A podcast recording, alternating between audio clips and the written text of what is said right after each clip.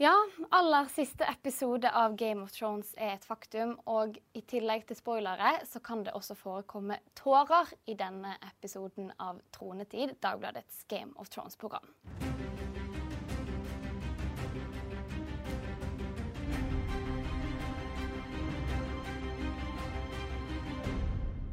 Som eh, opp den observante seer kanskje ser, så er ikke Inger Merete Hobbelstad med oss i dag. Hun er i, på filmfestival i Cannes sammen med den ekte King in the North. Eh, eh, Richard Madden, er ikke det det han heter? Ja, han som Stark. spilte Rob Stark. Eh, men eh, hun vil nok sikkert være veldig aktiv i eh, Facebook-gruppen vår Tronetid Dagbladets Game of Thrones-program. Som en erstatning så har vi med oss Mathias Ytterstad. Du er sosiale medier-ansvarlig i Dagbladet. Og så er du den av oss som har vært aller lengst i Game of Thrones-universet, helt siden 2009.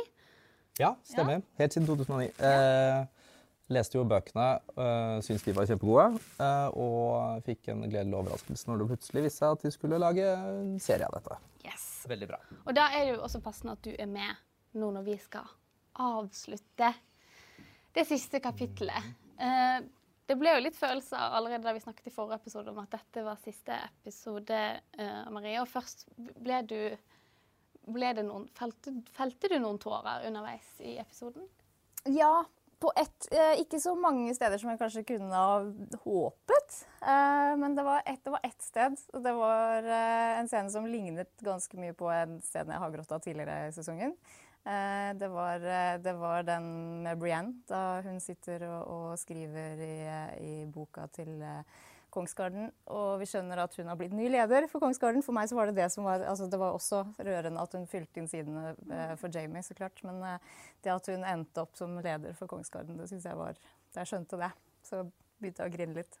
Selv om det også var ganske klisjéfylt, det må jo sies. Men, ja. men eh, noen sånne klisjeer får vi være fornøyd med. Det er jo da eh, selvfølgelig vært knyttet ekstremt stor spenning til denne avslutningen. Og i hvert fall nå når det har vært så mye høylytt slakt av eh, sesongen i sin helhet. Og der var jo du forrige uke, Mathias. Da skrev jo du en kommentar på Ja, det. ennå, hvor du skrev tittelen var 'Nå er det nok'. Nå er det nok. Og et ord til, men det sier vi ikke på TV. Faen meg nok, skrev du vel. nok, så er Eh, ja, jeg syns, liksom, jeg syns kritikken har vært, uh, vært litt mye ramaskrik. Jeg syns ikke alt har vært like velbegrunnet. Eh, noe av det er selvfølgelig helt på sin plass. Det har gått litt fort og, og litt sånt. Men jeg føler at forventningene har blitt skrudd opp så voldsomt at man kan rett og slett ikke tekkes alle.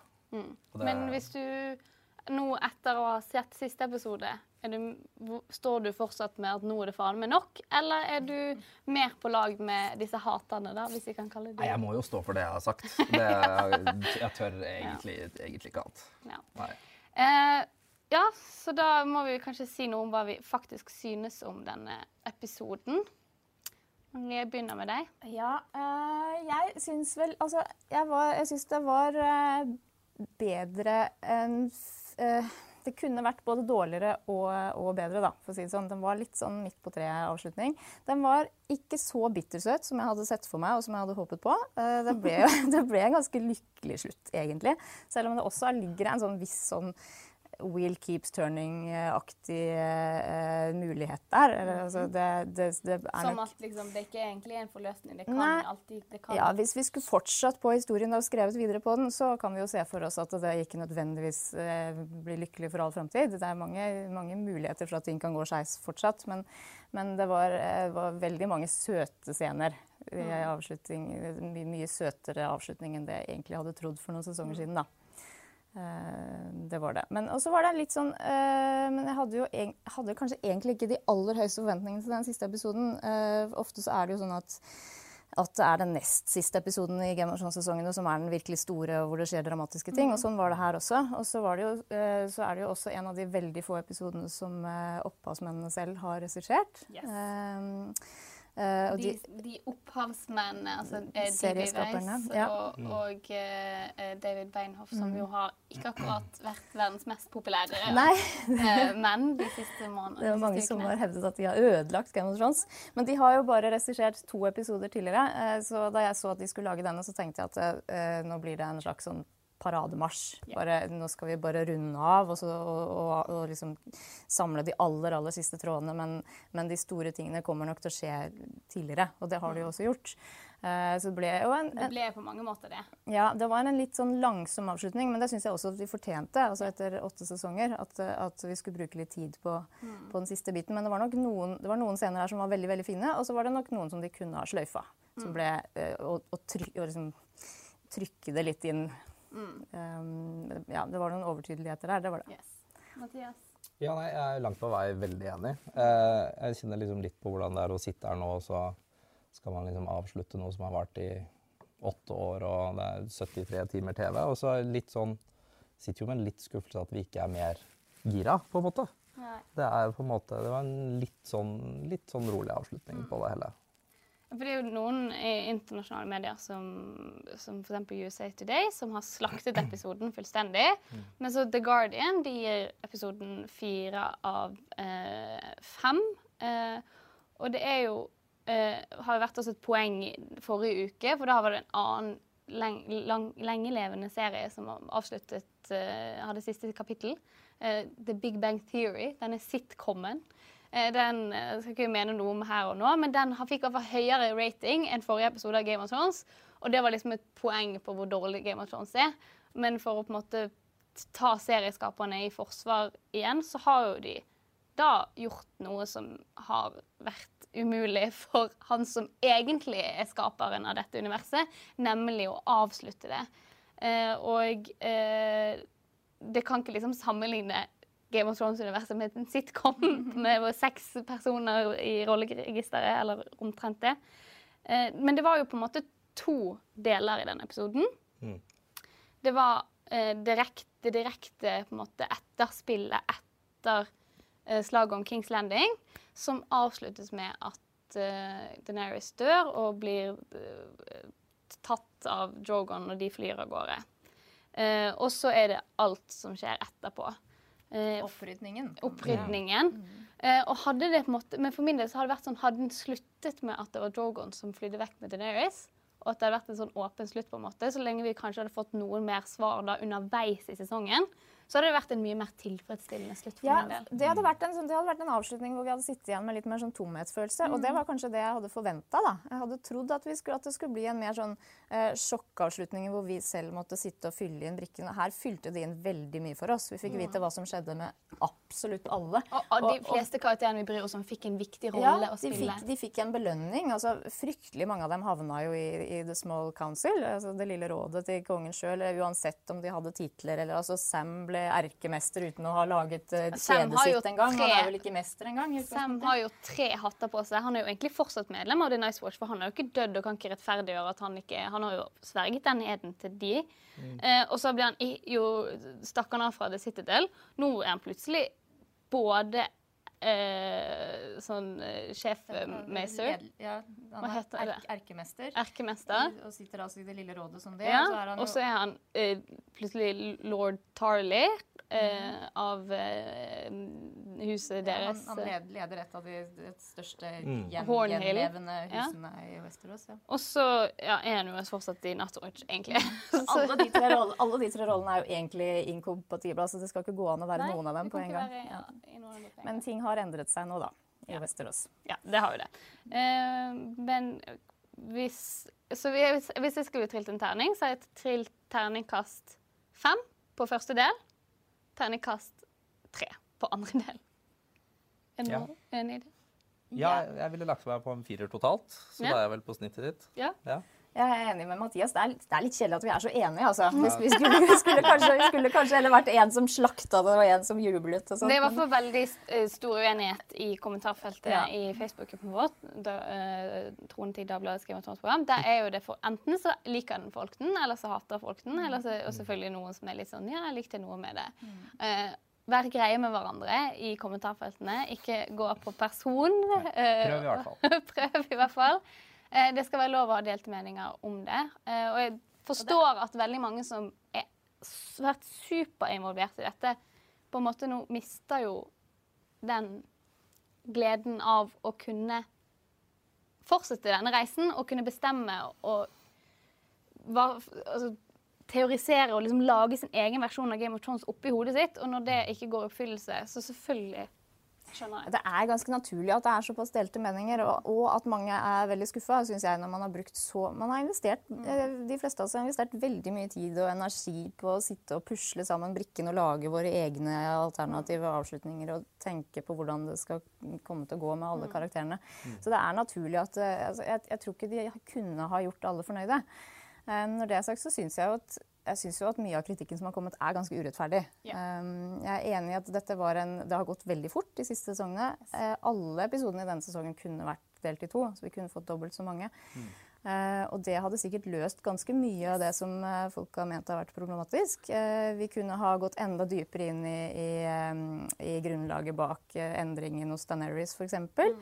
Mm. men så er jeg ikke sikker på om det hadde, hadde stoppet kritikken. Eller, jeg tror kritikken hadde kommet uansett, men det hadde blitt en annen type kritikk. da. At mange sikkert eh, Ja, for nå var jo noe av kritikken plutselig at det gikk litt for langt Ja. ut i denne episoden. Ja, nettopp. Og det er, jo, det er jo et stjerneeksempel på det. ikke sant? Fordi Hvis vi hadde fått dobbelt så mange episoder, så tror jeg nok at mange ville ha uh, syntes at det ble litt kjedelig. Og det, vi ville ha fått, nødvendigvis fått ganske mange gjentagelser. Det har vært ganske mye gjentagelser av det allerede i denne sesongen, men da har det på en måte, da har det sett litt villet ut. da. Som at det har vært uh, referanser til tidligere episoder og tidligere replikker og sånt. Men hvis det hadde blitt enda mer av det, så tror jeg eh, kanskje at det hadde begynt å virke litt fantasiløst og, og langdrygt. ikke minst. Merka det bare til episode fire. Da var det plutselig allting altfor sakte. Så Og så for meg personlig, så hvis vi skulle ha eh, jeg, likte, jeg likte jo det som skjedde med Daenerys i forrige episode. Jeg syns det var deilig at vi fikk en sånn sjokkopplevelse når hun endelig tippet over. fordi vi var jo mange som hadde regnet med at hun skulle gjøre det på et eller annet punkt. Og når det Ja. når det endelig kom til at hun faktisk gjorde det, så ble det likevel et sjokk. At det var, skjedde så voldsomt, og, og, og måten, det, måten det skjedde på. Og hvis vi skulle fått enda flere hint om det, eh, og at det skulle være mye mer sånn tydelig, gradvis utvikling, så hadde vi jo ikke fått den sjokkopplevelsen. Nei. Eh, Så det var et stort valg om at de kunne forklare det bedre, de, men de valgte å eh, gjøre, gi oss sjokkopplevelsen istedenfor. Og, og det er jo fair. Vi skal ta oss og eh, gå litt igjennom egentlig hele sesongen og egentlig hele serien eh, mot slutten av eh, dagens program. Men vi er nødt til å begynne å gå igjennom hva det faktisk var som egentlig skjedde. For det er, var mange eh, godbiter og eh, flotte sitater og flotte øyeblikk. Eh, og noen som ikke var så flotte også. Eh, og så vi begynner med det jeg da på en måte har kalt del én, det som skjer eh, før eh, Altså fram til eh, Drogon flyr av gårde. Eh, så er jo det mye Tyrion. Eh, og noe Vi ser jo eh, Vi får en slags bekreftelse på hvorfor Tyrion har vært en dårlig rådgiver for Daenerys. Og det ser man jo når han eh, først etter å ha gått gjennom hele ruinen av Kings Landing, kommer ned i eh, det, og finner Cersei og eh, Jamie begravet, eh, og bryter ut i tårer. Eh, fordi at han kjempet for familien sin. Eh, hva syns vi om denne scenen her? Åh, jeg likte den starten med Tyrion. Jeg tror nok at det også var en av de scenene hvor mange tenkte at dette nå går det langsomt her. Ja. men, jeg, men jeg likte at det gjorde det. Jeg likte at vi hørte fottrinnene hans over asken. Når han gikk, altså, som sånn, altså det, ble, det ble gjort mye ut av det, da. Eh, hvor, hvor fælt dette er akkurat nå. Eh, også når han kommer ned og finner eh, søsknene sine begravd Etter, under to stener. under, under ja, jeg tror nok han brukte litt mer tid på å grave dem fram enn det vi fikk se. Eh, Så tenker jeg at eh, det som foregår inni hodet på hans når han ser dem da, er at, eh, at han, han har på en måte prøvd å unngå skjebnen sin hele livet. Da. Han har blitt fortalt at han skal ødelegge familien, og så har han gjort veldig mye for å, for å ikke gjøre det. Og så, men så klarer han ikke å unngå det likevel. Det er, han føler at det er han som har drept dem. Og, og i det så ligger det jo også um, at uh, denne, denne profetien da, som, som fins i bøkene, men ikke i serien, om at, uh, om at Cersei skulle bli tatt av dage av lillebroren sin, det, vi kan jo tolke inn vi kan jo tolke inn en, en bekreftelse av den i, i, i det som skjedde der. At, at det ble Tyrion som drepte henne til slutt likevel. Ehm, men jeg syns jo også at, eh, at, dette er en episode hvor Tyrion har fått en slags oppreisning. Jeg tror mm. Vi har snakket ganske mye om at han har um, blitt uh, dummere på en måte i de siste sesongene enn det han var i starten. Um, når jeg ser uh, litt på det på nytt, så er jeg ikke sikker på om jeg egentlig syns at han har blitt så mye dummere, men han har vært, uh, han har vært Bli litt blindet for mm. kanskje hva han ja. egentlig ville, da. fordi at det han har fått kritikk for, er at sånn her, hvordan kunne du stole på Cersei? at hun skulle holde ordet sitt. Og han har jo alltid vært villet være godtroende, men at han da har blitt siktet igjen og igjen. og så har han bare ikke klart å lære av mm. eh, det. da. For meg så har det blitt mer og mer tydelig at det som på en måte har vært Tyrions drivkraft, eller, eller det som har kjennetegnet han aller mest som uh, karakter, har vært den, den, eh, det, det, det, inderlige ønsket om å tro på det gode i, all, i enhver person. Da, eller i hvert fall mm. prøve å finne og holde fast ved det. Har, det har gjort at han, i tillegg til at han selvfølgelig har vært ganske betatt av Daenerys, noe han også innrømte i denne episoden her, eh, så har det vært noe av det som har grunnen til at han ikke har klart å se Eh, hvilken vei hun var, eller hva hun var på vei til å bli. Da. Mm. Eh, men det har også gjort at han har gjort ganske mye feil opp gjennom hele serien. Ikke bare de siste sesongene, men også i forholdet til Shay f.eks.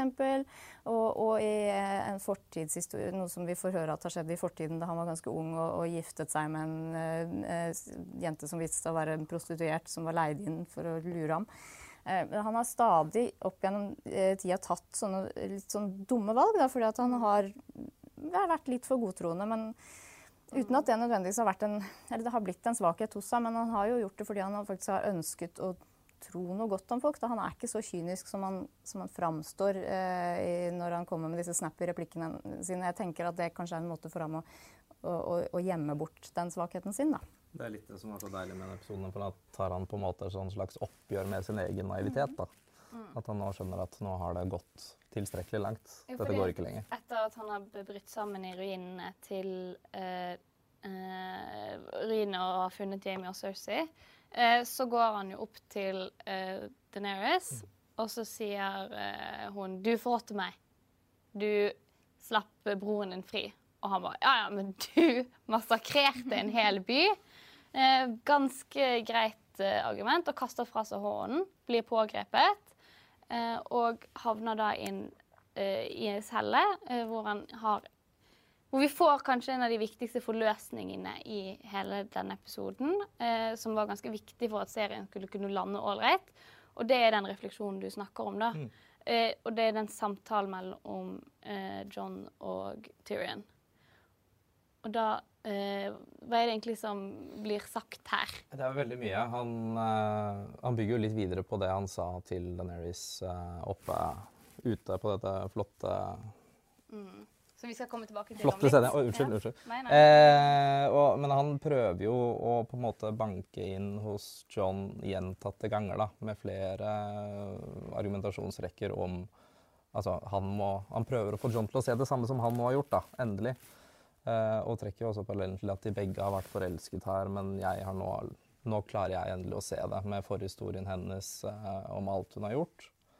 Uh, og prøver også å argumentere på flere vis for hvorfor han må ta det vanskelige valget, da. både med at han Ville du gjort dette som hun har gjort?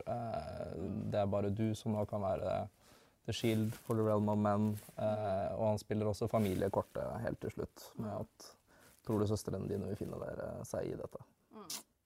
Ja, og så tar han jo da og så nevner han det som vi eh, altså nevner noe av det som vi allerede har snakket om, og som du har skrevet om i recapen din, Marie. At eh, her var alle tegnene på at Deneris ja. skulle bli the mad queen.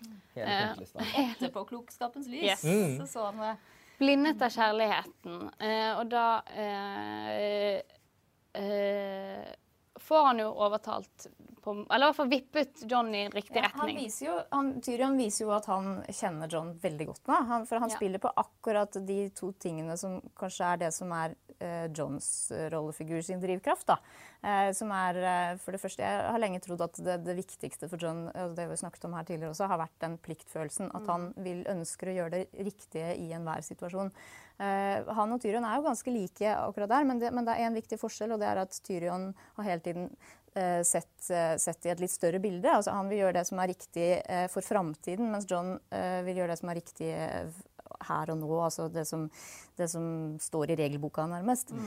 Eh, så, så, så, det Tyrion starter med, er jo å spille på den pliktfølelsen at det, det rette for deg nå det er å ta livet av Daenerys, men så kommer han ingen vei med det. Og så eh, spiller han på det andre, som også er viktig for John, som er den tilknytningen til familien eh, og søstrene hans. Og det er jo, ser ut som det er det som får han til å, å og, og snu når det kommer til stykket. Da. Mm. Vi skal snakke mer om den andre halvparten i samtalen til John om litt, men må vi, først må vi begynne med Deneris. Uh, for uh, forrige episode så ble det ganske klart at Deneris ikke lenger er en såkalt point of view-karakter. Altså en karakter Altså I bøkene så er jo kapittelet delt inn i person for person, og Deneris har jo vært en av de viktigste der. Men vi så jo veldig lite til henne da hun drev og massakrerte byen. Vi fikk et lite bilde av rett før hun begynte, men ellers så vi ikke henne i det hele tatt. Men når vi ser henne igjen nå, så er det jo det med en ganske tyrt, klar symbolikk på hvem hun eh, nå er. Eh, og hva slags symbolikk er dette, da? Hvis vi kan begynne med det, det, det mest åpenbare. Det er jo overtydelig at det spiller på, på naziriket, på Hitler og på Nürnberg. Hvis du tar og googler det, så får du jo nesten akkurat dette bildet av soldatene som står lina opp sånn perfekt disiplinert foran henne, og det store flagget i svart og rødt, og, og den skikkelsen på toppen av trappa som står der og er enehersker. Ehm, jeg syns kanskje at det ble litt i overkant mye. At det kanskje, at det kanskje kunne valgt eh, noen andre referanser også. For det er, jo, det er, jo, en referanse som har blitt brukt ganske mye. Også mm. i Star Wars, ja. som, som, eh, disse folka skal jobbe med etterpå. Um, altså serieskaperne skal lage Star Wars. Ja. ja. Mm. Men uh, når det er sagt, så håper jeg jo egentlig at Daenerys blir en point of view-karakter i bøkene. når vi ja, kommer ja. så langt, For jeg tror det vil kunne være med på å forklare eh, ganske mye bedre hva som har skjedd med henne, og hvordan hun tenker om ting. For det blir jo, vi blir jo stående veldig på utsiden her. Eh, og får ikke ja, Særlig Jeg kan, synes kanskje Jeg likte ganske godt det som skjedde med henne i forrige episode. fordi Um, fordi det skiftet kom uh, som Det ble en sånn sjokkopplevelse, da, selv om vi var en del folk som hadde kanskje sett for oss at hun skulle bli gal på et tidspunkt. Mm. Uh, og det, var jo faktisk, det har jo vært ganske mange tegn på det, men hadde det likevel kom til stykket at hun, når hun snudde, så, så, kom det så brått og så voldsomt at det ble, sånn, det ble et sjokk likevel. Um, men akkurat i denne episoden så uh, føler jeg at vi får vi, Det blir litt, kanskje litt vanskelig å forstå at hun fortsatt ikke, klar, at hun ikke klarer å se uh, motsetningene mellom det hun sier og det hun har gjort. Da. At hun mm. skal befri et folk, men hun har jo drept dem alle sammen. Altså, det er jo ikke folk igjen å befri. Og hun sier hun skal befri det, men hun skal jo fortsatt være, hun skal være enehersker. Uh, og ja, skal sitte på toppen. Så det er jo ikke mye fri. Det andre symbolikken i den scenen er at når hun stiger av ryggen til Drogon, mm. eh, så får vi et veldig fint, litt klisjéfylt bilde. Eh, hvor eh, Deneris eh, går Vi ser på henne for første gang rett forfra igjen, siden eh, hun bestemte seg for å burn them all. Eh, og da, rett bak henne, står Drogon og slår ut vingene. Og da ser hun ut som Da er det jo Lucifer og ja. djevel og, og Den falne engle, engelen. Det er også en scene som hadde gått rett inn i Star Wars-universet, så vi ser jo ja. de, hvor de har begynt å tenke, hva de har begynt å tenke absolutt, på allerede. da. Absolutt. Men det er godt plakatpotensial i det det bildet. Det var dødskult. Syns du det var kult? Likte det. Likte det. Likte det. Og så går hun ned, eh, nei, så går hun frem og holder talen sin på valyrisk, kun til soldatene, ikke på engelsk til folket. Nei, ikke til folket igjen. Nei, eh, Og da, hva er det hun sier da, Mathias? Nei, da er det vel uh, hun, hun, takker dem for uh, alt de har gjort for henne. Og de har gjort alt det som hun tidligere har proklamert at de skal. De skal drepe mennene i rustning, de skal rive ned steinhusene deres, og de skal knuse hjulet. men det skal de fortsette med. De er ikke ferdig. Så skal det rulle videre. Ja, um, altså Hva tenker dere om at eh, det er da på en måte det Er det liksom åpenbart at det var det som nå ville være motivasjonen hennes. At nå er, altså For det første så er det ikke noe folk å styre over nesten igjen i Kings Landing. Eh, minus han ene vi så på begynnelsen som så ut som et vandrende lik. Eh, og eh, nå skal hun da erobre verden. Er det på en måte, Gir det mening at det, når hun først har gått gæren, så er det blitt gæren, så er det det hun skal mm. gjøre?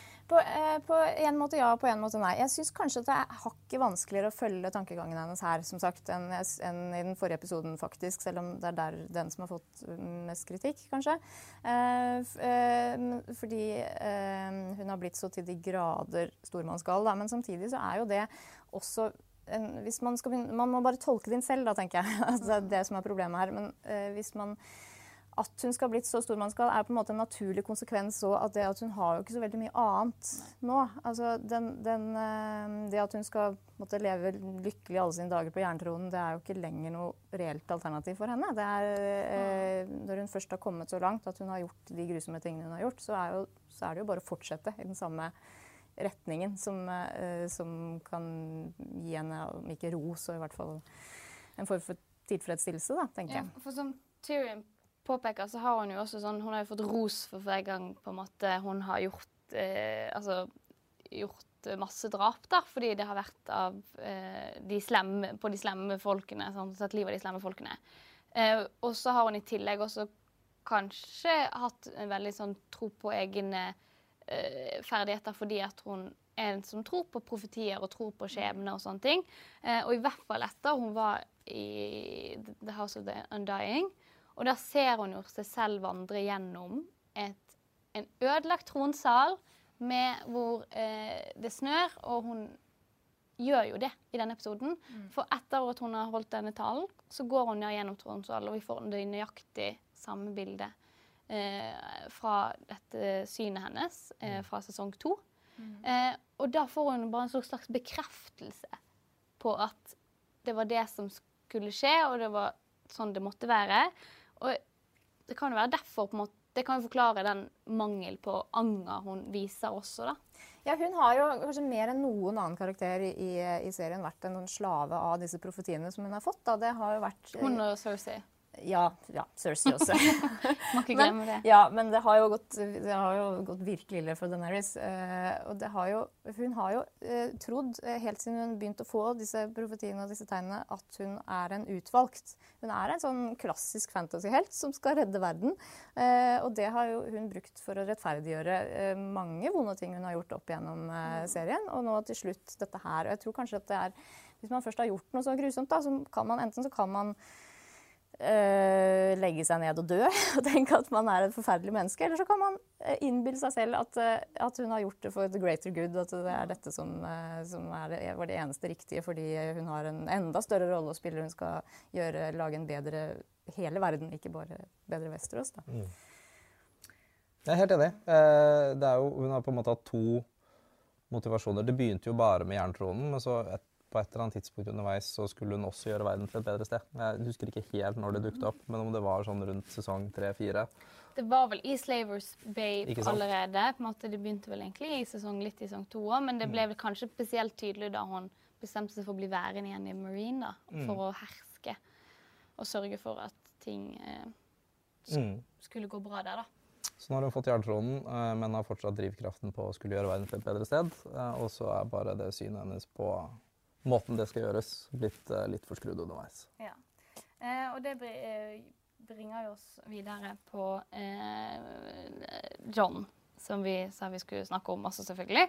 Eh, som jo eh, har helt åpenbare problemer med det som har skjedd. Han konfronterer Grey Worm på, når, mens Grey Worm står og skal ta livet av masse Lannister-soldater. der. Han skal henrette de på dronningens ordre.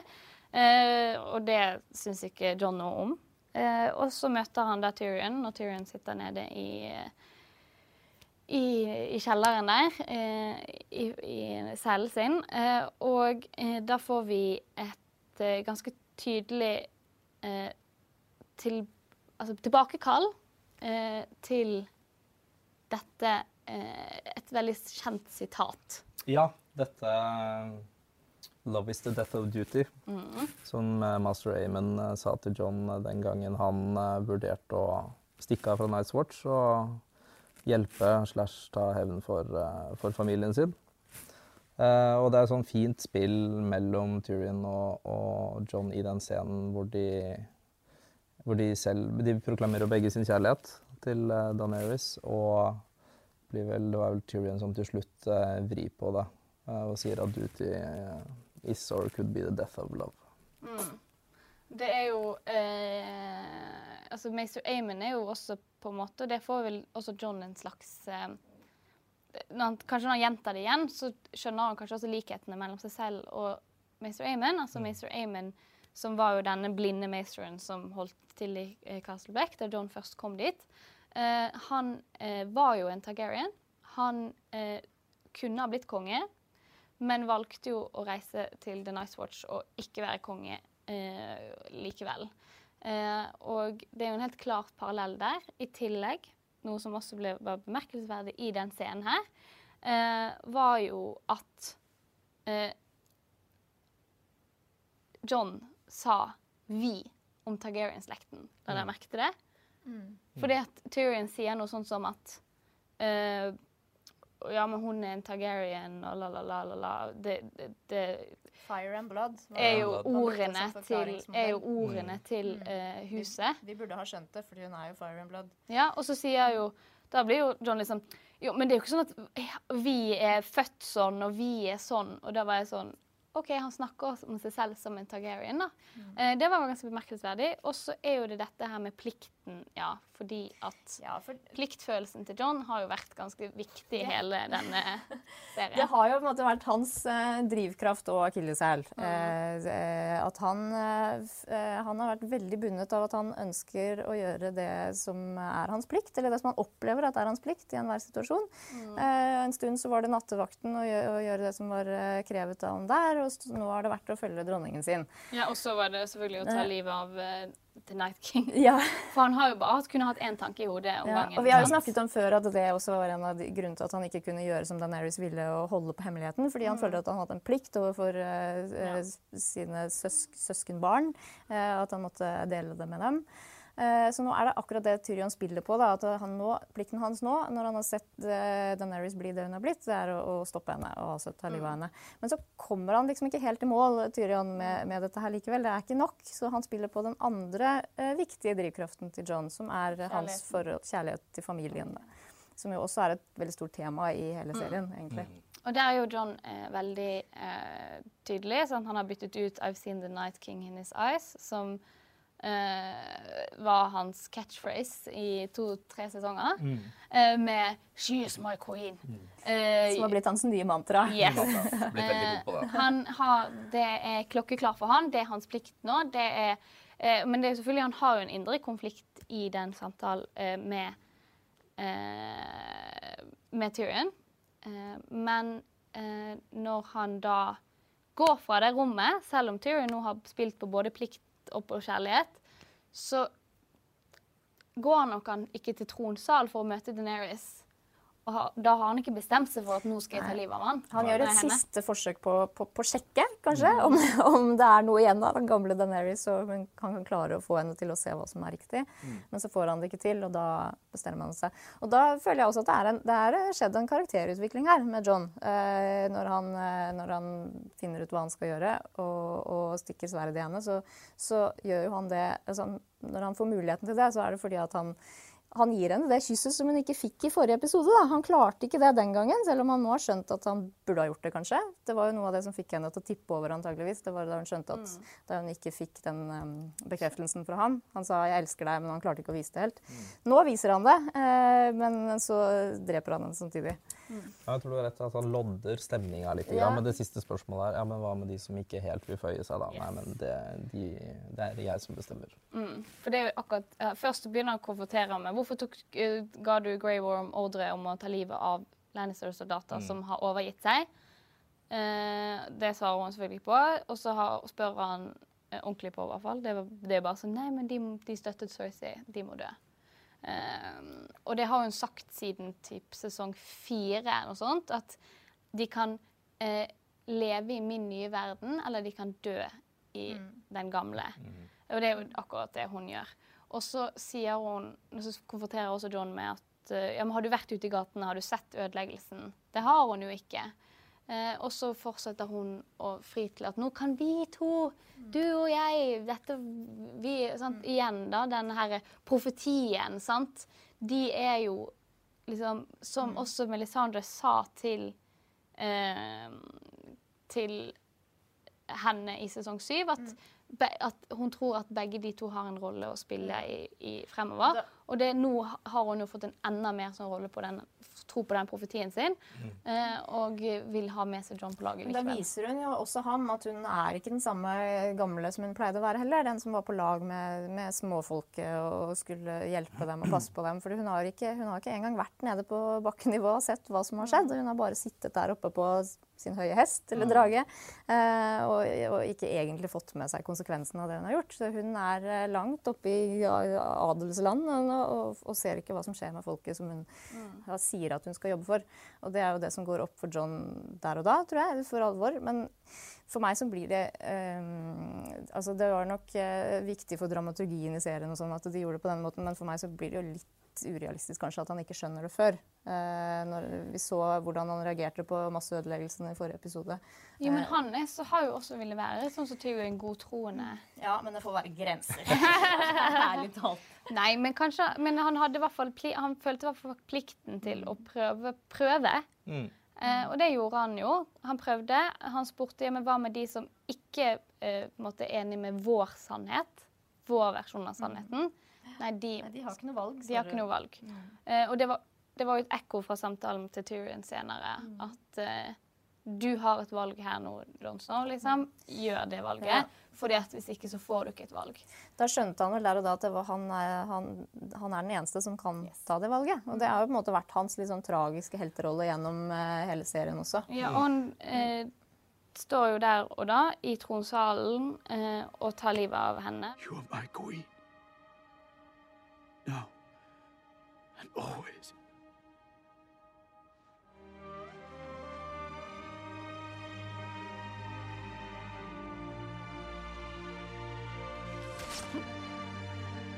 Det var jo en, enten han eller Aria som måtte gjøre det uunngåelig i denne episoden, nemlig ta livet av henne. Mm. er vi fornøyd med måten det ble gjort på? Det store Det klimakset. store klimakset, det store crescendo. Eh, litt sånn delt på det. Eh, jeg syns som sagt det er helt greit at det er han som gjør det, selv om de bygde opp Aria veldig på slutten av forrige, forrige episode.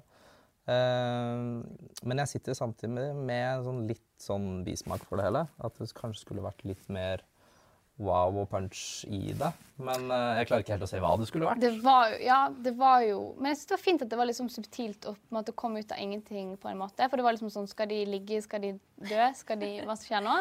Jeg syns det var litt gøy. Og så ble jo det da etterfulgt av noe sånn klisjéfullt, men veldig flott øyeblikk i mine øyne.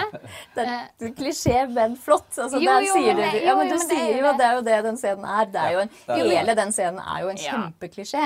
Og det, er jo, det har vært flust av sånne klisjeer gjennom hele serien, men ofte så klarer de å vri litt på dem, sånn at de blir litt sånn artig likevel, eller med en sånn kommentar til klisjeen Ja. sånt. Men denne var jo gjennomført klisjéfylt. Og du har jo sagt hele tiden, egentlig i denne sesongen her, at du tror ikke det vil være noe jerntrone igjen Nei. på slutten av sesong åtte. Og det fikk jo du helt rett i, og det er veldig mange fans som Og hvis noen fans er sure for at dette var klisjéfylt, da skjønner jeg ingenting, liksom. sant? Der må litt grann Jeg var litt usikker et øyeblikk her. Skal, det, må faktisk- skal den tronen bli stående? Altså, Men vet du hva? Det, Det, det var et lite øyeblikk der jeg trodde at det faktisk Draghild ikke kunne ødelegge den også. For det tok litt tid før de begynte å bøye Ja, ja. seg, disse sverdene. For det, det som skjer, er jo at eh, Drogon skjønner at, eller merker at noe er galt. Da, sant? Så han kommer og så sjekker han til Daenerys og begynner da å liksom Dytte med nesen.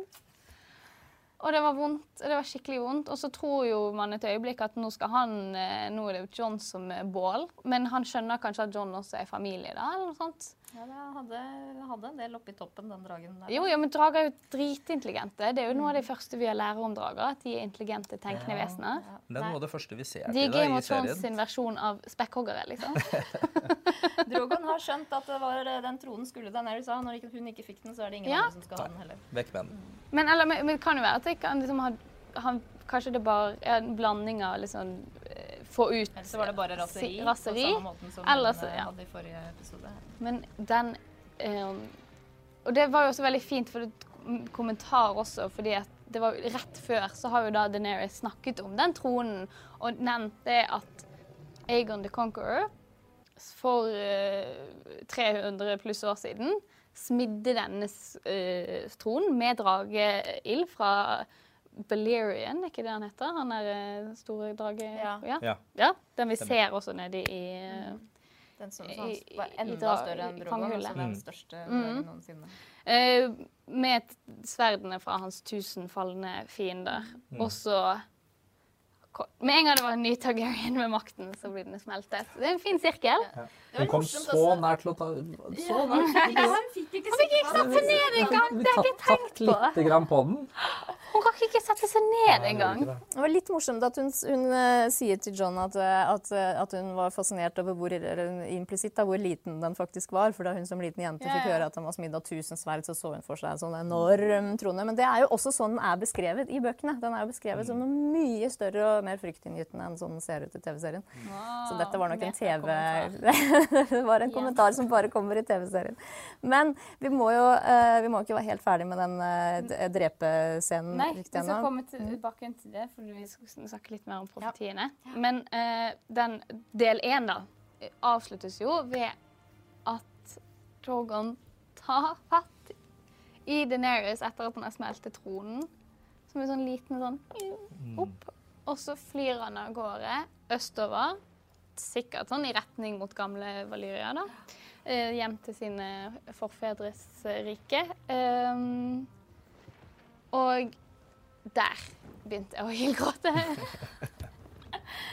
Det var, da var det for mye. King Kong-scenen, den Ja. var det som gjorde det for deg. Nei, men det var, det var bare Det er noe med eh, Kanskje liksom ha litt med at Jeg har sluttet å klare å føle så veldig mye for på en måte både John og Daenerys, egentlig. Det er dyrene du griner for. Ja, men det er det. Men det er liksom det er bare sånn Jeg er en dyreelsker, og så er det noe med liksom noe så ekte som om det er liksom en barn sin kjærlighet for sin mor, eller om liksom en dyr sin kjærlighet for sin eier, som er liksom noe av det reneste man på en måte har i liksom eh, verden. da.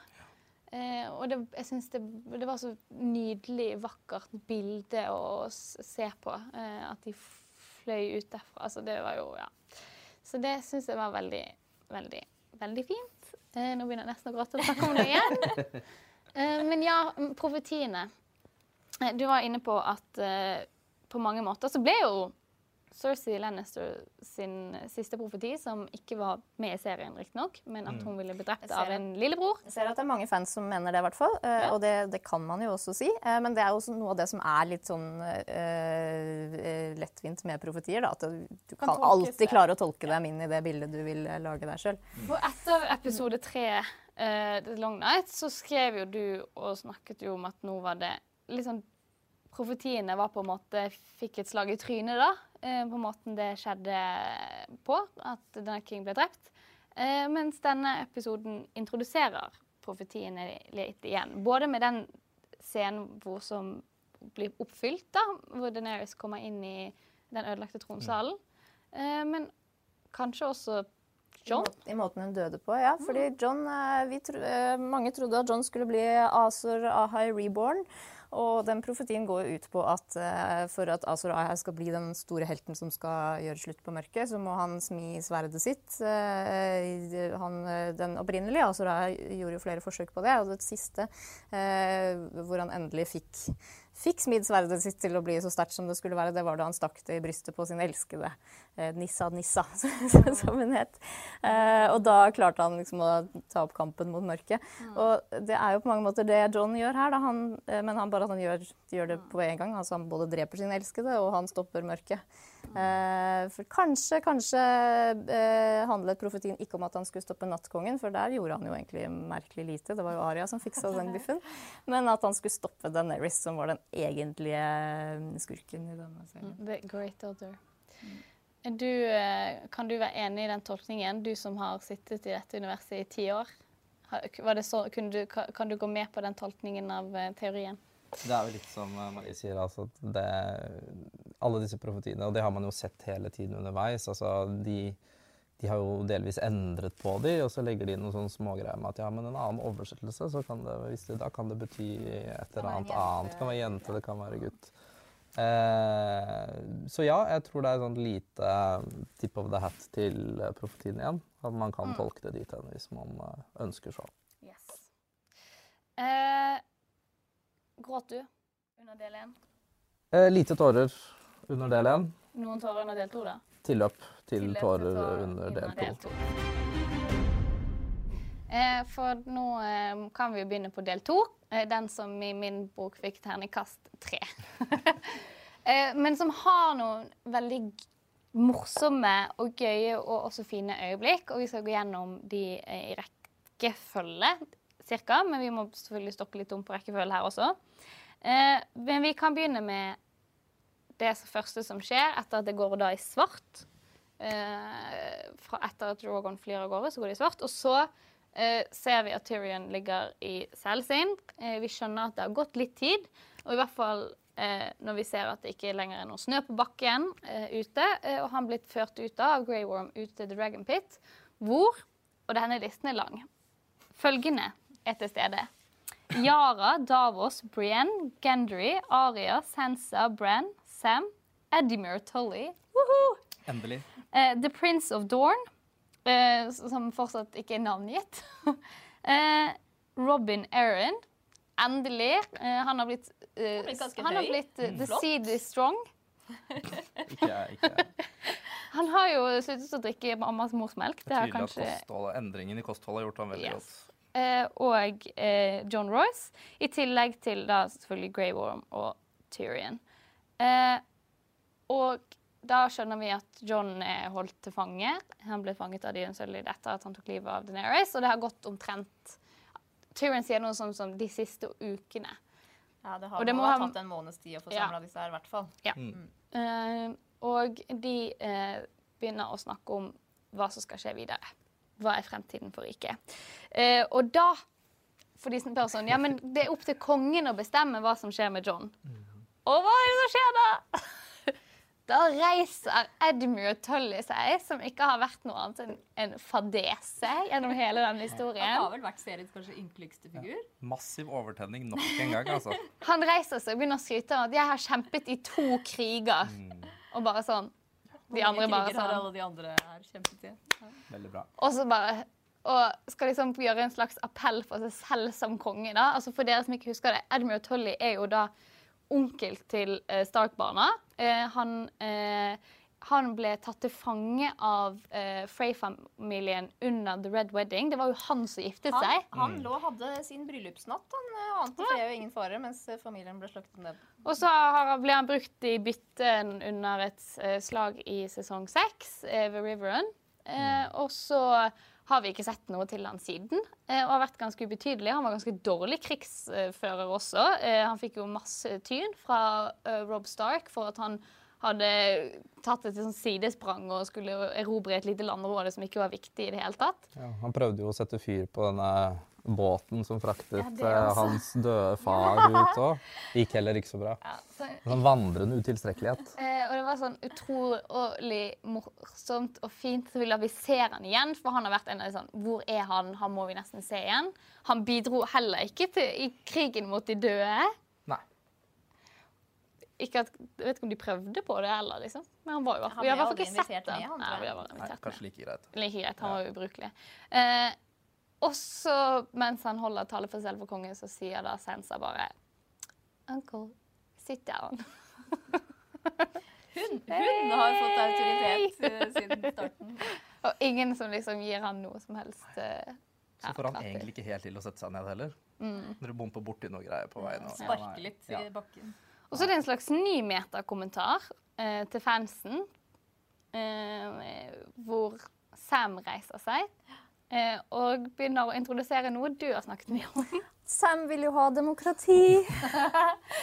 Det, hvorfor kunne vi ikke få demokrati i Westeros? Nei, det var nok et nikk til eh, fansen dette her, som ønska seg det, men vi er jo i en middelalderhistorie. Ja. Men det grunn, den scenen var, det, altså, når han reiste seg og begynte å snakke om demokrati, så var jeg, da var jo også en bare sånn Men hva gjør du her? Du er egentlig fortsatt i The Night Watch. Er du plutselig blitt lord Tarley? Ja, det har han tydeligvis. Han snakket om seg selv som en lord. Det var vel ingen andre som kunne bli det, da. Nei. Og så eh, snakker hun da om eh, demokrati og liksom reiser seg og er liksom utrolig klisjéfylt. Og så blir det liksom møtt med sånn latter og eh, mobbing av alle de andre. Og det redder egentlig den scenen litt. Ja, det er det de gjør. Da gjør det det. Og da syns jeg det blir løst på en god måte. For det var sånn Ja, vi nevnte alternativet. Ønsket om demokrati bare framsto helt utrolig tåpelig eh, med ett. Ja. Ha-ha, skal jeg spørre hesten min hva han syns? Elsket det. Jeg syns det var veldig gøy. Og, eh, men også kommer jo eh, de frem til en slags at de kanskje skal velge en bare de, da. De eh, store lordene. Eh, og da har jo Tyrion selvfølgelig jeg har sett mye betenkningstid. Og vi får på en måte en slags svar på hvorfor Eller det blir til vist tilbake til den samtalen hvor Brann hadde med uh, Nei, Tyrion hadde med Bran foran peisen i, i Winterfell, som egentlig ble sagt sånn Nei, men det var egentlig ikke så viktig. Jo, det var jo det. Hadde ikke det vært for den samtalen, så hadde vel kanskje ikke heller Nei, kommet vel med det forslaget. Kanskje der Tyrion skjønte at han var den rette kongen. Ja, etter mye betenkningstid i Sel og Daenerys så var død, og John kanskje ikke var noe alternativ heller. Eh, og foreslår da rett regelrett at Brenton Stark skal være kongen. And who has a better story than Bran the Broken? The boy who fell from a high tower and lived. He knew he'd never walk again, so he learned to fly. He crossed beyond the wall, a crippled boy, and became the three eyed raven. Og Brandon har så lite egenvilje på det, det punktet her at han er jo ikke en trussel for noen av de som sitter rundt. Så det, det gjør det jo mye lettere for dem å velge av. Altså, før vi, eh, altså, før vi på en måte snakker mer i detalj om det, er det riktig at Brand eh, the Broken, da, som han har fått tilnavnet nå, er konge over de nå seks kongerikene? Er det riktig? Jeg øh, Tyrion holder jo en øh, i utgangspunktet god tale der. Men jeg syns han legger litt mye vekt på øh, kraften i historier. Så Bran har jo ikke, fått, han har ikke klart å bruke den kraften til så innmari mye til, fram til nå. Så jeg tror nok heller at det er en sånn type Han blir en litt sånn skyggefigur som kan sitte på tronen mens eh, rådet får bestemme ganske mye. Og så synes jeg det er veldig rart at de i den samtalen heller eh, For det, noe av det som, som tydelig taler til fordel for Brann, er jo det at ikke han verken vil, som de har snakket om at det er en god egenskap, Det er den beste eller, egenskapen. Ja, beste egenskapen eh, eller at han ikke kan få barn. Eh, fordi at eh, kongssønner er noe herk. Ja, Det blir egentlig framstilt som en eh, hovedsak. eh, For det er jo det de vil ha slutt på nå. At det at, konge, Det at det skal gå i arv, uh, det, det skal nå være slutt. Fra nå av så skal vi velge kongen. Vi, altså ikke demokratisk med hele folket, men vi adelsfamiliene skal velge kongen.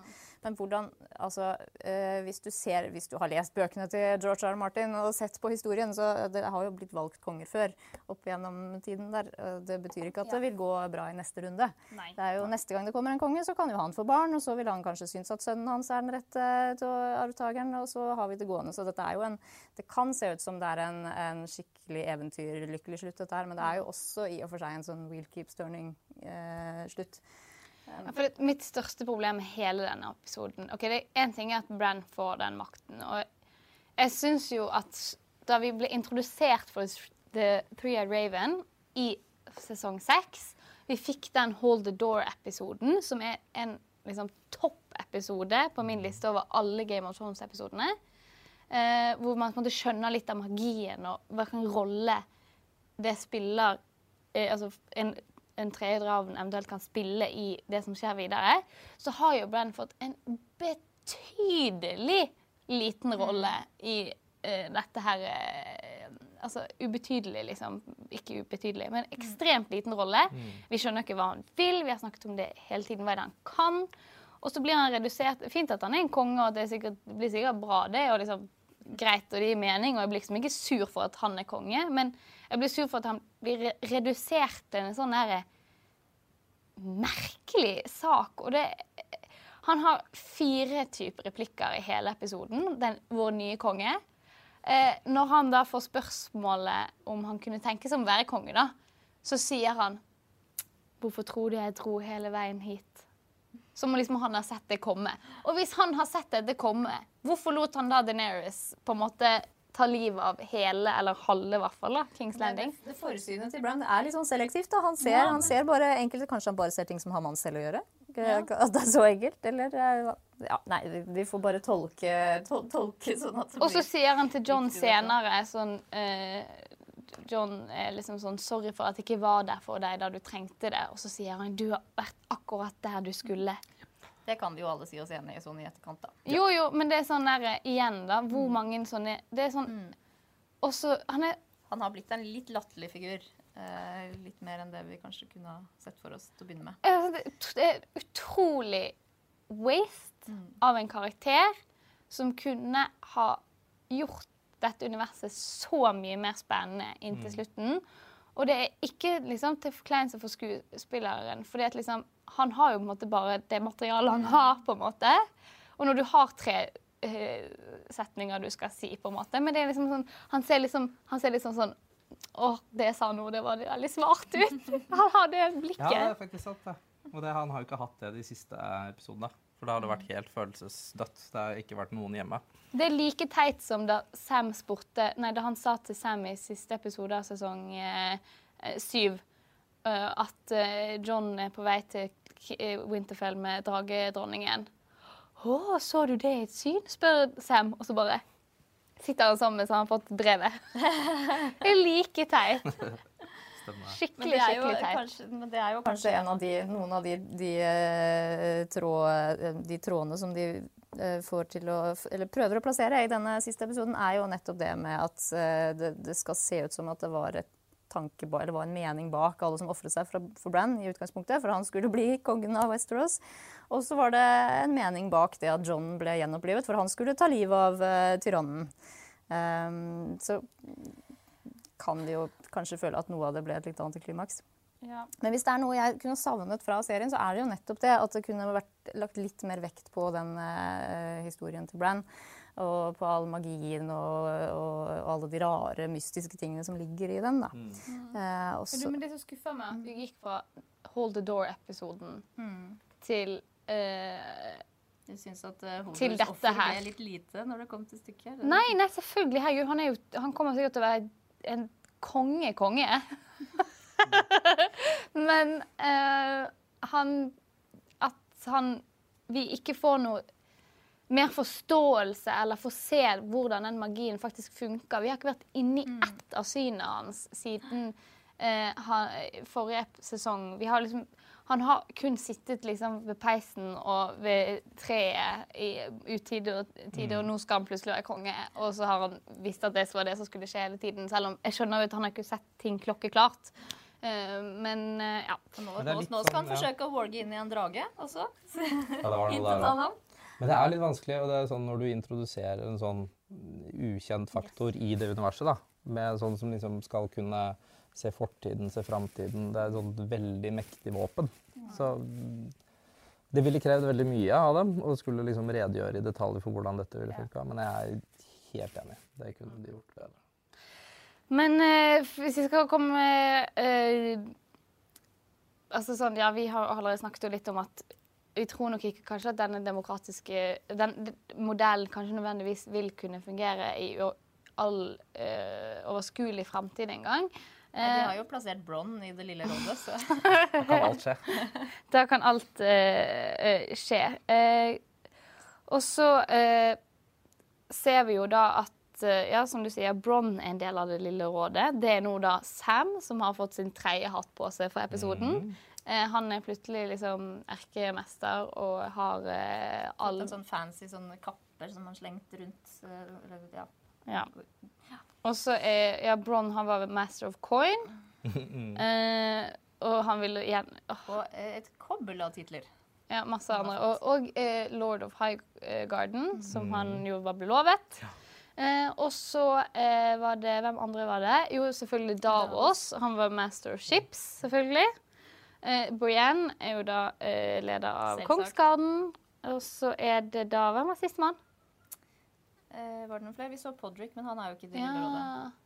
Han Nei, det var, jeg tror det var de. men De mangla et par. ja, De de manglet manglet tre stykker. Eh, Det Ja. var det- en av de replikkene til Bran. Ja, det var den fjerde replikken hans. manglet Før han sa at han skulle gå og prøve å finne Drogon. Ja, veldig. Eh, det er en spin-off-serie jeg vil Det vil er meget god.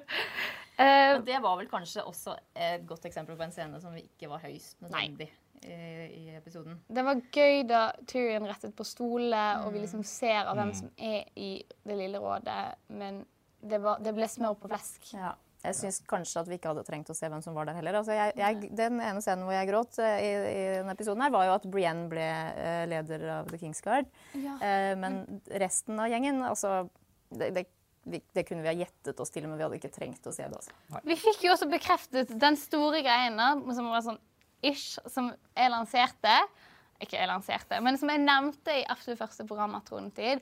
At Sam var en av de som hadde høyest sannsynlighet for å overleve, fordi at han skulle ha noe med A Song of Ice and Fire å gjøre. Han skrev den jo ikke. Nei, men han kom på tittelen!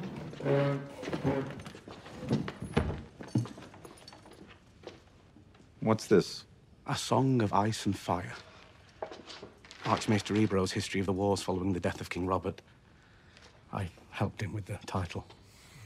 Og Tyrion var ikke nevnt i. Nei, så det var, Det er jo helt egentlig, sykt. Det var jo ikke egentlig The Song of Ice and Fire. Dette. Det var en, bok, ganske, en ganske tregere Altså, Hvor kjedelig er ikke A Song of Ice and Fire uten Tyrion? Du. Det kunne se ut som Tyrion var enig i det. Ja, det var, det var sånn slag i trynet. Ja, men eh, det blir sikkert en oppfølger eh, av den også, da. Eh, for det kommer, som vi tror, til å ikke nødvendigvis være en happy Og så levde de lykkelig i alle sine dager. Nei. Um, men jo, som du var inne på, en av de flotteste scenene. Da kom den andre gråte... Uh, ja, gråtebyen, hvis man kan kalle det uh, det. Um, Brienne, leder av Kongsgarden, setter seg ned på kontoret sitt og finner den boken hvor det står da om alle de tidligere lederne, eh, eller kapteinene for Kongsgarden. Eh, og for i sesong tre, eller nei, sesong fire, når eh, eh, i scenen hvor Jamie og eh, Brienne et, liksom, de er tilbake inn i Kings Landing. Jamie uten en hånd, og de har blitt litt tettere. Også en av mine favorittscener, eh, all time favorittscener for Game of Thrones. Og eh, Jamie gir Brienne rustning og sverdet, som hun gir navnet Oathkeeper. Like før dette her, som er jo det, måte, da det store i den scenen, eh, så eh, sitter eh, Jamie med den boken og sier noe sånt som at ingen kommer til å kunne skrive noe om meg. Ingen vil skrive noe om den enarmede eh, kongsgardenlederen. Eh, og så er det akkurat det Brienne gjør. Hun setter seg ned og skriver flere sider om alt det Jamie har gjort, og avslutter det med Hva var det den siste setningen var? Døde vel mens han beskyttet sin dronning, eller Ja. et eller annet sånt. Veldig fint. Var det da det var, nest, det var nesten på gråten? Da var det tilløp. Da var det Da var det tilløp. tilløp til. Gråter du noe i det hele tatt? Særlig? Dette er, dette er det nærmeste jeg kommer. Det, nærmeste Det var jo en veldig fin avslutning på Kingslayer-historien. Altså, Ja. Det var Han det. ble jo ikke Kingslayer på nytt, han ble King, Queen, uh, Ja. Keeper, holdt på å si. Ja, og det gir jo da Det blir på en måte den Da kan man enda mer kjøpe det at ikke Jamie var den som eh, tok livet av og forrådte en ny konge eller dronning. Han beskyttet henne. Men det- måte Det, det var en nydelig scene, uh, men det var jo på en måte en uh, gjentagelse av den forrige scenen jeg gråt av i denne sesongen, som var da hun ble slått til ridder. Uh, fordi liksom, da ble hun ridder, nå ble hun faktisk leder av Kongsgarden, som var liksom enda et steg opp. Men det var jo også en bekreftelse kanskje på at etter at hun ble ridder, som for meg var en ganske sånn fin avslutning på hennes handlingsråd, da, så har hun jo først og fremst vært eh, en, en karakter som har vært viktig for Jamies eh, eh, rollefigur og Jamies eh, handlingstråd. Eh, for jeg tenker at um, de, de kunne gått Hun kunne godt dødd i Battle of Winterfell, og så hadde det vært en, en, en nydelig avslutning på hennes historie. Eh, men når de holdt det gående sånn at hun kunne få den kjærlighetshistorien med Jamie, uh, som egentlig Kanskje litt unødvendig, det òg. Det, det hadde vært litt ålreit om de kunne fortsatt å ha et sånn platonisk forhold, tenker jeg. Men det ble viktig for hans rollefigur, fordi eh, da ble det tydelig for oss at når han dro sørover til Kings Landing, så var det ikke eh, fordi at han var så eh, altså Det var ikke hjertesorg over Brienne, eller noe sånt. det var på tross av det han hadde med Brienne, så, så, så var den dragningen mot Cersei enda sterkere. Og på samme måte nå, så det første hun gjør når hun får eh, denne nye rollen, det er å fylle ut sidene hans i boka, så er det jo nok en gang en Altså hun fullfører hans handlingstråd, da. Men fint var det. Det var skikkelig, skikkelig fint. Eh, og den ble jo ikke så lenge etter etterfulgt av en annen eh, scene som var eh, like trist. Eh, vi ser at eh, John tar farvel med, igjen med sine søsken for å dra nordover. Eh, Brann ødelegger jo denne scenen igjen, da. Men alt før Brann, eh, når Sansa er på gråten, Aria er på gråten, er veldig, veldig, veldig fint. Um, og da ser vi jo også at jo da, det er denne familien denne historien har handlet om. Mm. Uh, det er Selv om Daenerys har vært en viktig karakter, og Tyrion og liksom Lannister-slekten også har vært det, så er det Vi begynte med Stark-barna, og nå har de Altså, Bran er konge for av de seks kongerikene. Mm. Eh, Sansa har det Sansa siste. har det siste kongeriket. Hun fikk frigjort Det er ganske eh, stort, nord. da. Det er større enn noen av de andre Yes. Mm. Eh, hun er, vi ser at hun blir slått til queen in the north. Hun får seg faktisk en skikkelig krone. Og har, liksom klarer å gjøre det ingen av brød, bro, verken broren eller øh, fetteren hennes har klart det. Eh, og Aria gjør, som vi også snakket om tidligere, at var en mulighet for henne. Hun skal på, til Syden. på oppdagelsesreise. Finne, finne seg selv. Ja. Hun skal dra vest for vestover Mm. og finne ut hva som skal skje. Det er viktig å med var et vel- friår innimellom. Det var vel ganske mange som hadde sett for seg det som en mulig løsning for henne, siden hun har sagt at hun ikke skulle hjem til, til Winterfell, og, og, og hva er det da å hente for henne? Altså, hun må jo videre ut i verden og oppdage mer. Eh, hun har jo alltid også eh, vært veldig opptatt av eh, den eh, krigerprinsesse Numeria, som er en sånn eh, historisk skikkelse i, i universet, eh, eh, som ble fordrevet fra den byen sin langs eh, Roin-elven eh, og reiste rundt i verden sammen med folket sitt på jakt etter et nytt område, slå seg til ro, og så kom hun til Dorn, og så ja, slo seg ned der. Eh, men jeg føler at det på en måte er en, en ganske sånn fin eh, altså Hun følger i sin heltinnes fotspor da, når hun reiser ut eh, i det ukjente på denne måten. Det var liksom ikke noen rolle igjen for henne heller. Nei. Hun, liksom- kunne, hun kunne gifte seg med Gendry, da. Det hadde vært koselig, men det hadde jo vært Ikke helt in character. Nei. Nei, det var litt feil, det Mm. Jeg hadde giftet meg med Gendry. Nei da. Det er jo en ledig plass der. Ja. Nei. Hvis jeg hadde Hvis Nei nei. Men det er, jo en, det er jo i og for seg en bittersøt slutt for Stark-barna, da, selv om det har gått ikke fullt så bitter som jeg kanskje hadde sett for meg. Men, øh, øh, fordi de, flere av dem får jo det de ville ha, faktisk. Men, men de er jo ikke sammen lenger. Øh, og det er jo noe de egentlig hadde, har ønsket for, seg. Vi har jo kjempet for å være sammen i så lenge, eh, og nå er det jo ikke det lenger.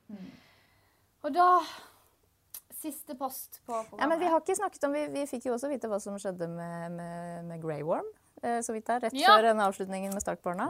Det, det, var en, det var en tydelig blikking mellom han og John der. Men ja. etter at eh, Grey Worm har fortalt mannskapet sitt hvor de er på vei. Ja. Det var vel eh, noen her som var litt skuffa over at, eh, at han Nei, jeg- eh, fikk lov å slippe unna på den måten. ikke fatte og begripe at de ikke tok, livet av Nei. altså. De hadde så jo, men, mange det hadde Men så klarer han- Krig, da. Kunne Ja. de bare det, det, var helt fair at han overlevde. Og så klarer- De bygde opp så fint med, med han i forrige episode, liksom sånn i parallelt med Daenerys sin sånn vei til galskap og sånne ting. Og sånn, han speila det veldig fint. Og var jo akkurat det samme denne episoden her. Men det var sånn fredsbygning. da. Skal du liksom, når skulle de ha tatt livet av Grey Worm og klart å, ham, og liksom beholde freden? For uten Grey Worm, hva er Unsullied da? Unsullied er jo liksom De er jo laget for å være hjerneløse eh, Ja, og selv om, han, eh, ja, selv om han gjorde noe utrolig feigt og kjipt og sånn, da han kastet spydet sitt i en, en ubevæpnet mann som sto med ryggen til, og sånn, så gjorde han det jo på altså han, Hans drivkraft har jo hele tiden vært å gjøre det han får befalt å gjøre. Altså, han gjorde det han fikk beskjed om av Daenerys, så, så man kan jo kanskje unnskylde oppførselen hans litt grann der. Men når det er sagt, så klarer han jo å fikse biffen sjøl. Altså, han er jo på vei til en øy som vi har snakket om tidligere i programmet. Altså hjem, hjemøya til uh, Missandei. Eh, hvor hvis de, de som har lest bøkene til George R. R. Martin, vet jo at der er det ingen som kan overleve som ikke er innfødt fra Nat i utgangspunktet. Det Men veldig- det spørs om Missandei har fortalt ham den informasjonen. Det virker ikke sånn. Nei. Det blir en veldig kort Nei, det var jo hun som foreslo at Hun foreslo at de skulle dra dit. Men det, den, det, det, vi kjenner, vi som har lest bøkene, da, er jo at det er, der er det masse sommerfugler. Eh, koselig nok. Eh, men de sommerfuglene de bærer på en sånn form for pest eller smittevirus et eller annet, som, som, gjør at de som forsøker å oppholde seg der stort mer enn én en natt, som ikke bor der fra, som ikke er født der fra forhånd, da, de får en sånn fryktelig pest og dør på det grusomste vis. Jeg husker ikke helt hvordan beskrivelsen var, men det var ikke hyggelig i hvert fall. Det blir en veldig kort spin-off. Det blir en veldig kort spin-off, eh, spin så jeg håper vi slipper å se. Um, det, men det er jo liksom sånn OK, la oss si da Men hva, hva med Dotter Rockyene, liksom? Ja, Som det jo fortsatt er veldig mange igjen av. De drar vel hjem for å herje videre, de. De reiser på tre hestene sine. Ja, la oss for guds skyld Det har ingenting å gjøre i Kings Landing, i hvert fall. Men vi så jo de. Men det så ut som de kanskje var på vei om bord i en båt, de også, da. Nei, la, de kan få lov til å sendes hjem. De har Hvis, nok valgt seg en ny Kali, tenker jeg. Ja, En Unsullieden er jo ikke et folkeslag i seg selv. De kan jo heller ikke reprodusere. Så om de dør av et sommerfyllvirus, så fikk de i hvert fall sett uh, stranden.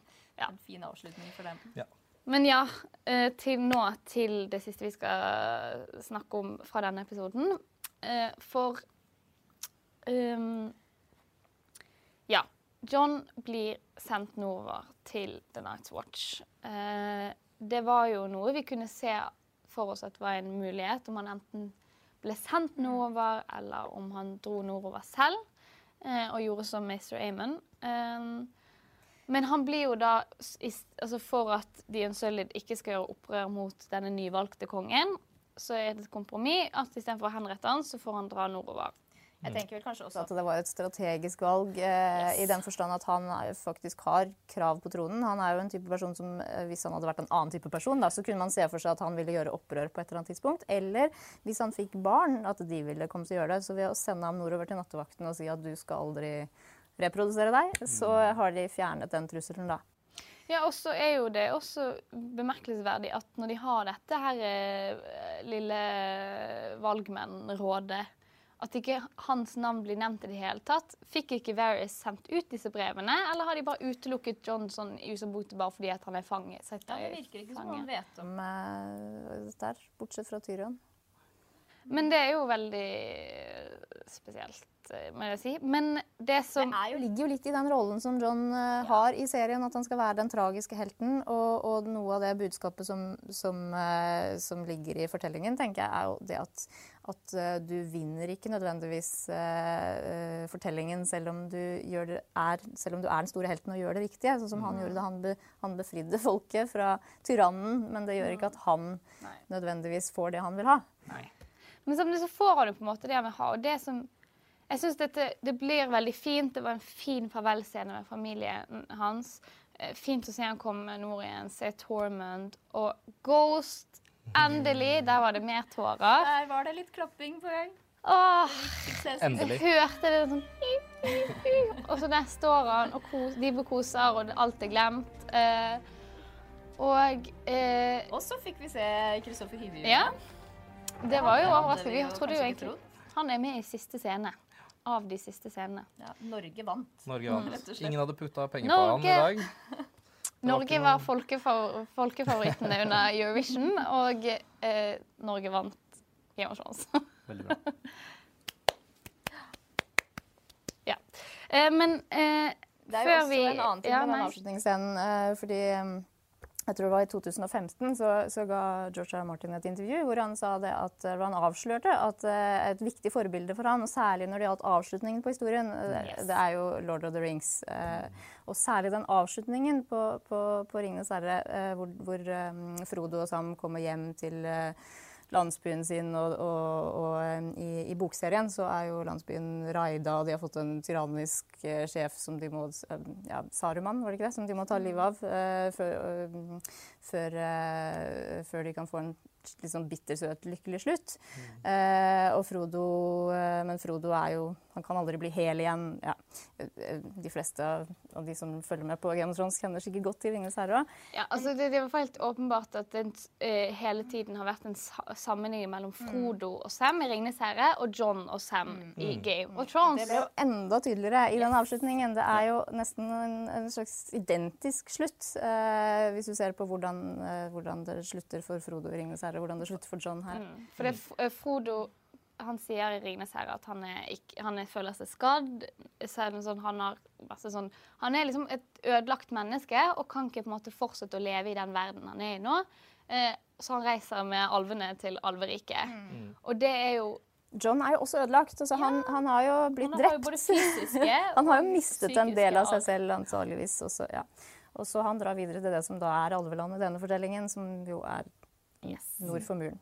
For det absolutt siste vi ser han gjøre, er at han eh, drar eh, Og det redder litt hans storyline i denne episoden for meg også. At han etter det slik vi tolker det, drar fra The Night's Watch og liksom drar sammen med alle villfolkene og Ghost nordover for å Mm. bosette seg der. Ja, jeg tror ikke det så vel, virkelig ikke ut som han hadde tenkt seg tilbake. Porten gikk ned, og blikket vendt framover. Kan man sitte nord for muren og være molefonken, som man jo er best på. Og da slutter vi jo også Game of Thrones i en ring. For hva er det de første bildene vi ser i første episode av sesong én, er jo nemlig at uh, Waymore Rice, er ikke det han heter? Han- Rice, han ene fra Nice Watch, og uh, to andre kommer ut fra eh, porten og er Beyond the Wall. Og det er akkurat Akkurat samme. samme bilde vi ser. Ja. Av porten som går opp, av de som kommer ut. Akkurat minne om den scenen, fordi den første jeg har jo snakket om det før, den, den, den sekvensen der fra første, første episode i første sesong, det er jo det, noe av det skumleste jeg syns jeg har sett i hele, hele Game of Thrones. Ja, Og det gjorde det- at jeg fikk ja. litt frysninger da jeg så Ja, den ja, også. Bare skal dere virkelig dra med dere alle disse ungene nord for muren og porten lukkes? Og det var, for da hadde de spilt den kjenningsmelodien hele veien. Altså Musikkbruken i denne episoden, helt fantastisk, uh, syns jeg. Uh, da har de spilt den kjenningsmelodi i Game of Thrones-melodiene. Eh, og så går porten ned, og så ser vi det bildet ovenifra og ned, som er, unnskyld, som er helt lik det samme oversiktsbildet i første episode av sesongen. Eh, og da blir det eh, Og så blir musikken stille, og da var jeg sånn Nei! Hvis det kommer nå må jeg Walkers nå! Samtidig som jeg hadde vært litt gøy, for dette hadde vært en overraskelse. Da hadde vi Eh, fått en litt mer bitter, eh, ja. Litt, uh, slutt. da. Eh, Det men det, veldig bittert, faktisk. ja, litt for bittert, kanskje. Eh, men også begynner musikken igjen, og du skjønner at eh, det går mot en lykkelig Eller en slags lykkelig slutt da, for John. Eh, fordi at eh, Jeg syns det er så dumt at John ikke har tilsynelatende veldig liten egen vilje i hele denne her, sesongen, egentlig. Han gjør som han får beskjed om, eller gjør som Han han, følger tror pliktfølelsen. føler pliktfølelsen og sånne ting. Eh, men eh, Og det, hadde han valgt å selv dra til eh, Night Watch, sånn som Mr. Amen, eh, så hadde det også liksom, det hadde vært sånn fint at han faktisk tok et bevisst valg på hva han ville i livet.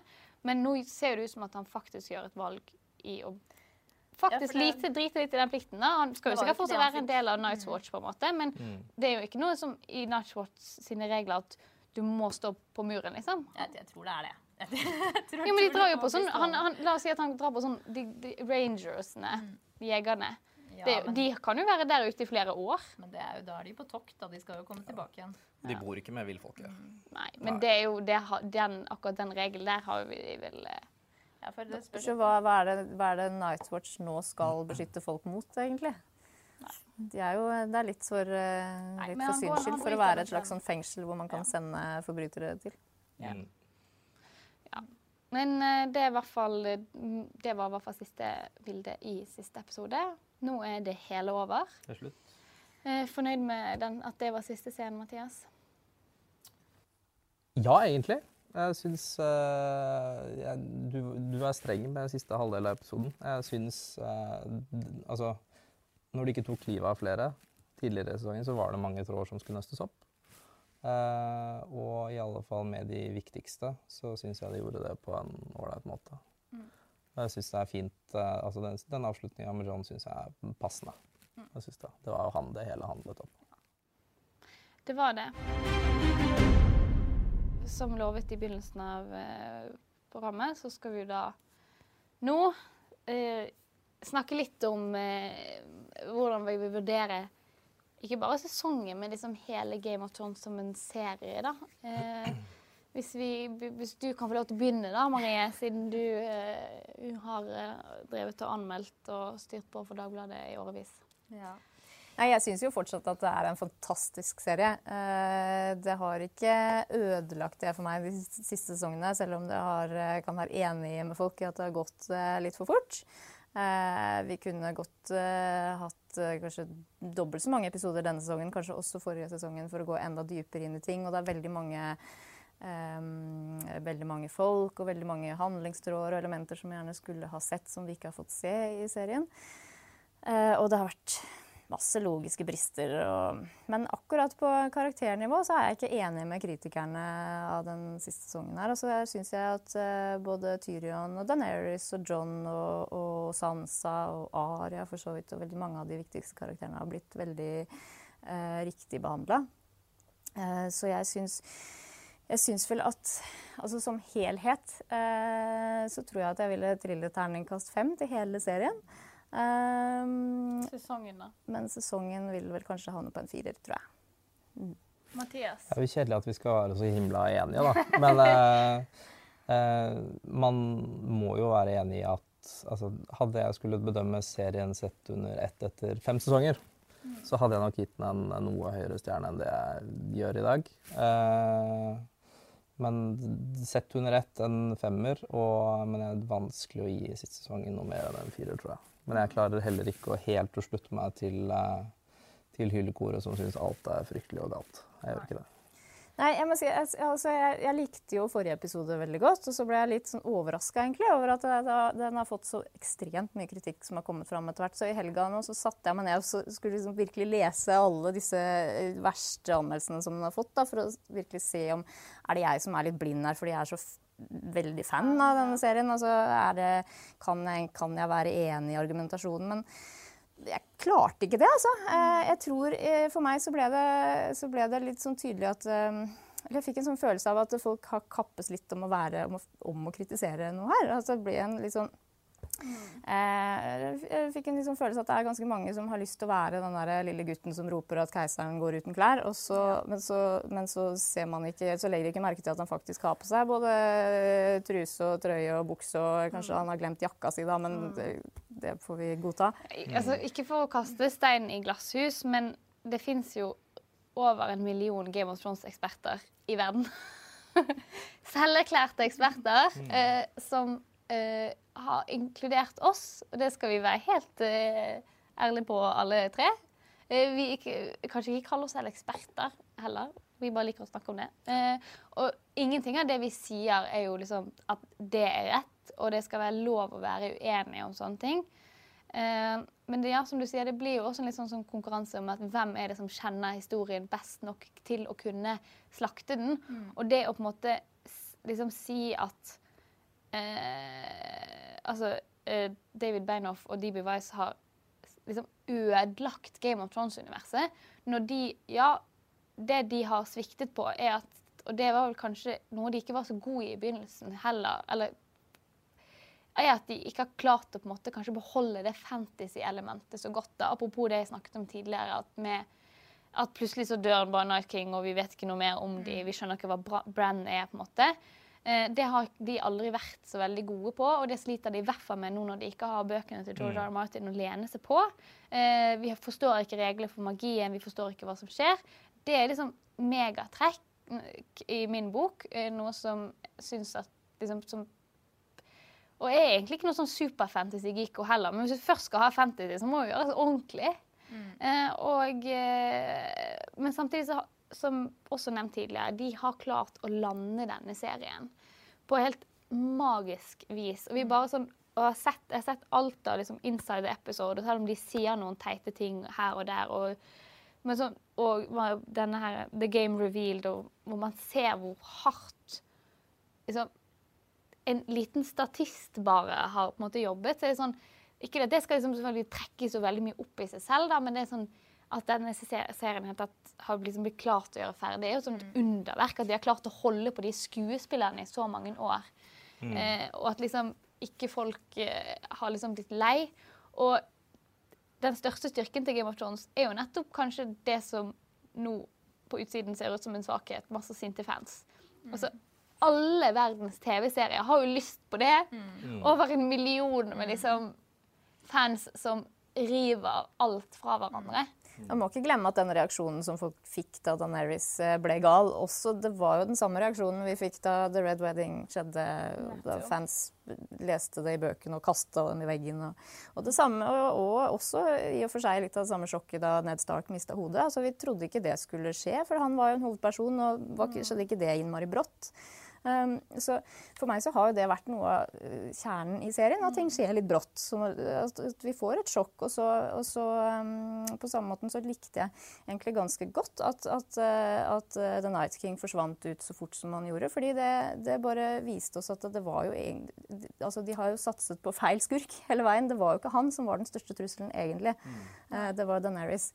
Um, og på samme måten, så da Daenerys ble gal, da, så kan vi gå tilbake og så kan vi finne masse tegn på at hun øh, som, som viste at hun skulle bli det. Men, men det var jo også viktig at folk rundt henne, de, de så det jo ikke. Altså, for Hvis de hadde sett det, så hadde de jo stoppet henne før.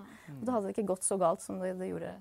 Hadde de ikke hatt det hastverket med tiden som de har hatt, så hadde de liksom, kunne de kommet unna mye av det som de har fått kritikk på. Liksom at ting kommer liksom plutselig liksom bardust på.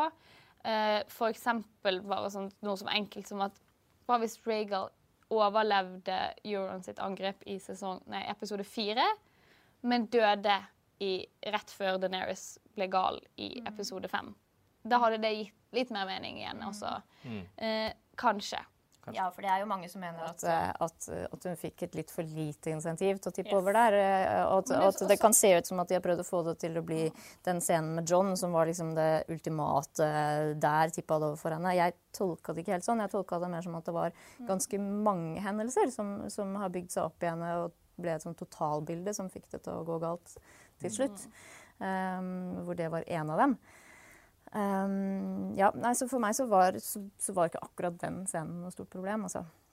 Men, men det er jo, jeg tenker jo også det at det er, eh, det er naturlig at det er mange som er misfornøyde. At det er rett og slett umulig å gjøre alle til laks her.